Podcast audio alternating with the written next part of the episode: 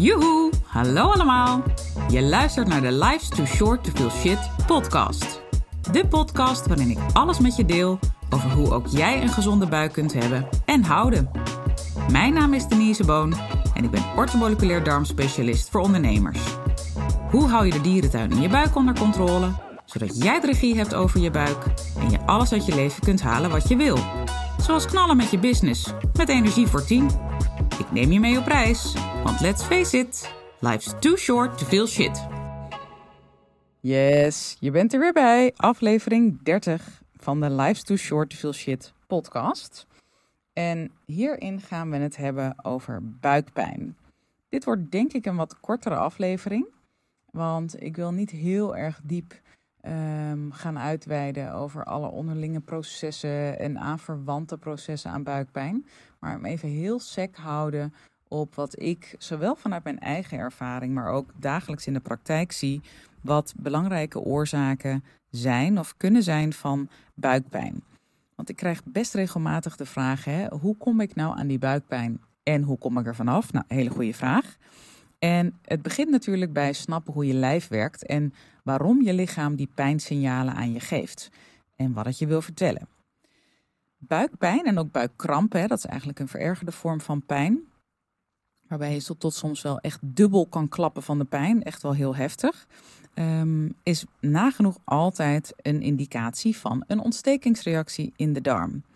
En als je buikpijn hebt, zeker als je dat regelmatig hebt, ik spreek ook heel vaak mensen die elke dag buikpijn hebben, mind you, vreselijk, dan is het eigenlijk al in een verder gevorderd stadium. Want in het begin gaat je lichaam fluisteren, daarna gaat het praten. En als je dan niet luistert of er niet naar handelt, het is niet altijd niet willen, maar soms kan je niet, of heb je de informatie niet of de hulp niet, eh, dan wordt het alleen maar erger en gaat het schreeuwen.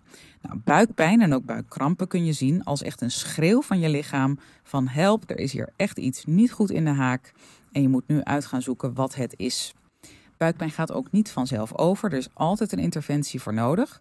Of dat een interventie is in dat jij je voeding aanpast, eh, of dat je eerst onderzoeken laat doen om de oorzaken van de buikpijn in kaart te brengen en die vervolgens gericht aanpakt. Scheelt vaak een hele hoop tijd en ook energie en geld, want nou ja, zo'n zoektocht met zelf dingen uitdokteren en zoeken kan ontzettend lang duren. Ik had laatst iemand uh, op intake en die zei: Volgens mij zei ze echt wel dat ze iets van 10.000 euro inmiddels in al die jaren aan supplementen, onderzoeken kwijt was. Aan losse onderzoek had ze het dan over. Uh, aan het zelfdokteren, zoals ze dat zelf noemde. En toen zei ze: Ik ben het nu zat, ik wil het nu gericht uitzoeken en aan de slag. Ik kan je vertellen, ze zit inmiddels uh, midden in haar behandeltraject. En ze appte me vanochtend, bedenk ik me nu, een geweldig appje dat ze voor het eerst in tijden weer alcohol had gedronken omdat ze een feestje had. Het was eigenlijk niet haar plan om dat uh, midden in een behandelplan te doen, maar het kwam zo uit en ze dacht, nou, ik voel me goed, we gaan ervoor. En dat ze er geen last van had. Nou, dat zijn natuurlijk de meest fantastische dingen om te horen. Uh, maar goed, zij zei dus, wat ik wijd alweer lekker uit, vanuit enthousiasme. Uh, zij zei dus dat ze, ik dacht dat ze echt zei 10.000 euro, maar goed, misschien het was 10.000, het was zeker geen duizend. Maar goed, ik schrok er echt van. Dat ik echt dacht, holy mac, dat is wel heel veel geld. Um, en soms is zo'n zoektocht nodig. Maar niet altijd. En het gaat er eigenlijk om wanneer bij jou het moment komt dat je denkt: en nu wil ik het tot de bodem uitzoeken. En je natuurlijk ook mensen in je omgeving hebt die je daarbij kunnen helpen. Maar goed, die komen je vaak niet aanwaaien. Het is een kwestie van goed op zoek gaan. Uh, ook wel net wel mazzel hebben met mensen die je misschien op iemand attenderen die daarin je verder kan helpen. Maar ga alsjeblieft altijd op zoek naar een deskundige um, die weet waar hij of zij het over, over heeft. En die het ook voor je kan uitzoeken. Want oorzaken in kaart brengen is heel belangrijk. Terug naar de buikpijn.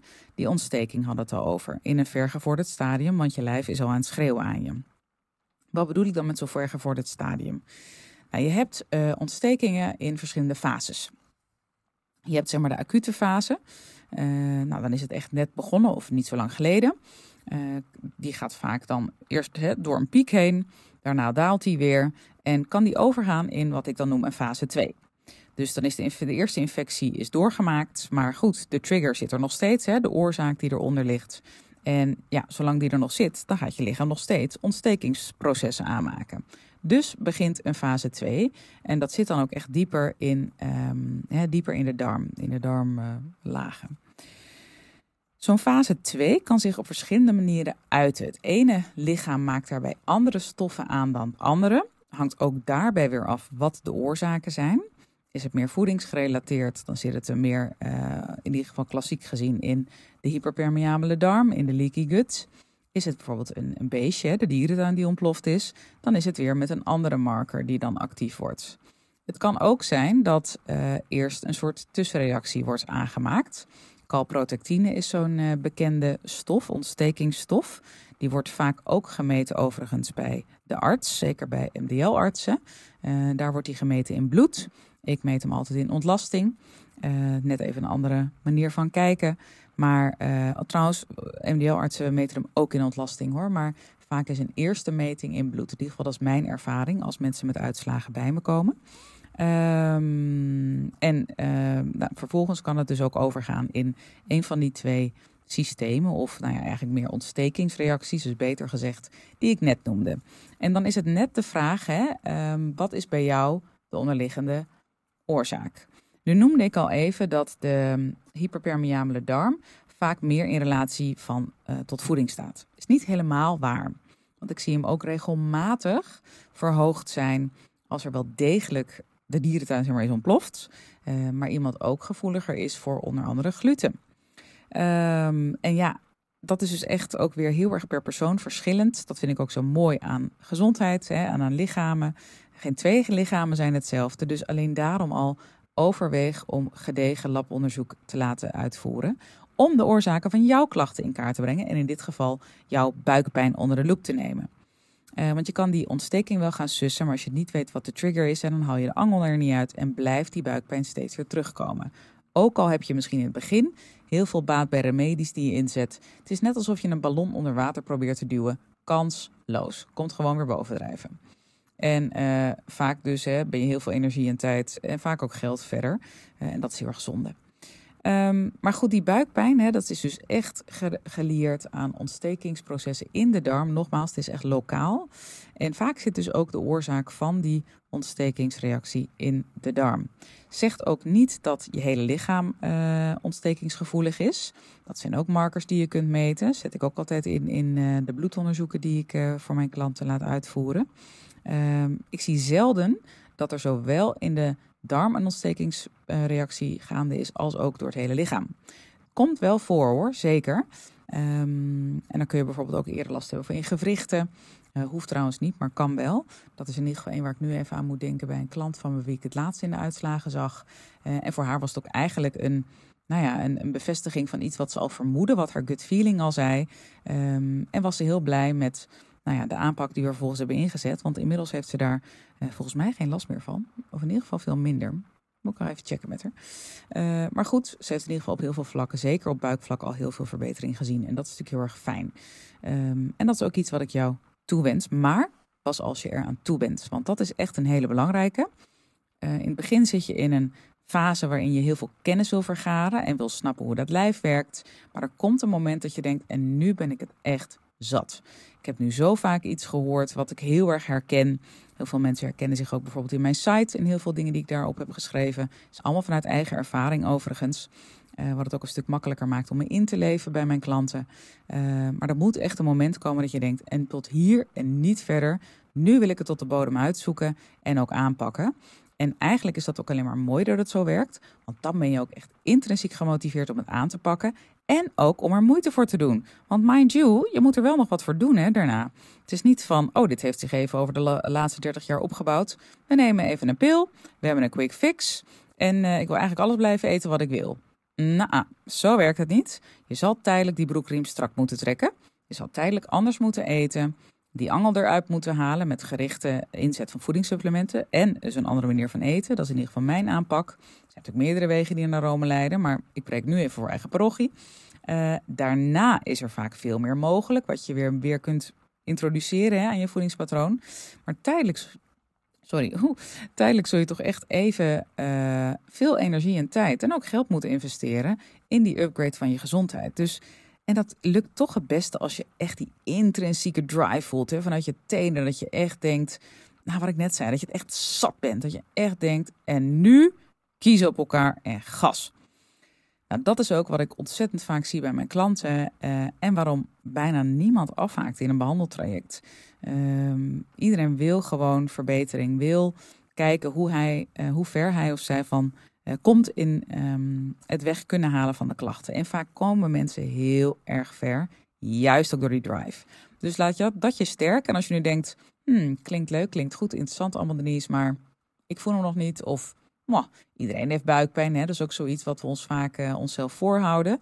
Uh, of het valt eigenlijk wel mee, hè? we kunnen het ook goed bagatelliseren. Ja, ik heb er af en toe last van. Zoals je echt goed bijhoudt hoe vaak je er last van hebt, dan schrik je er vaak van.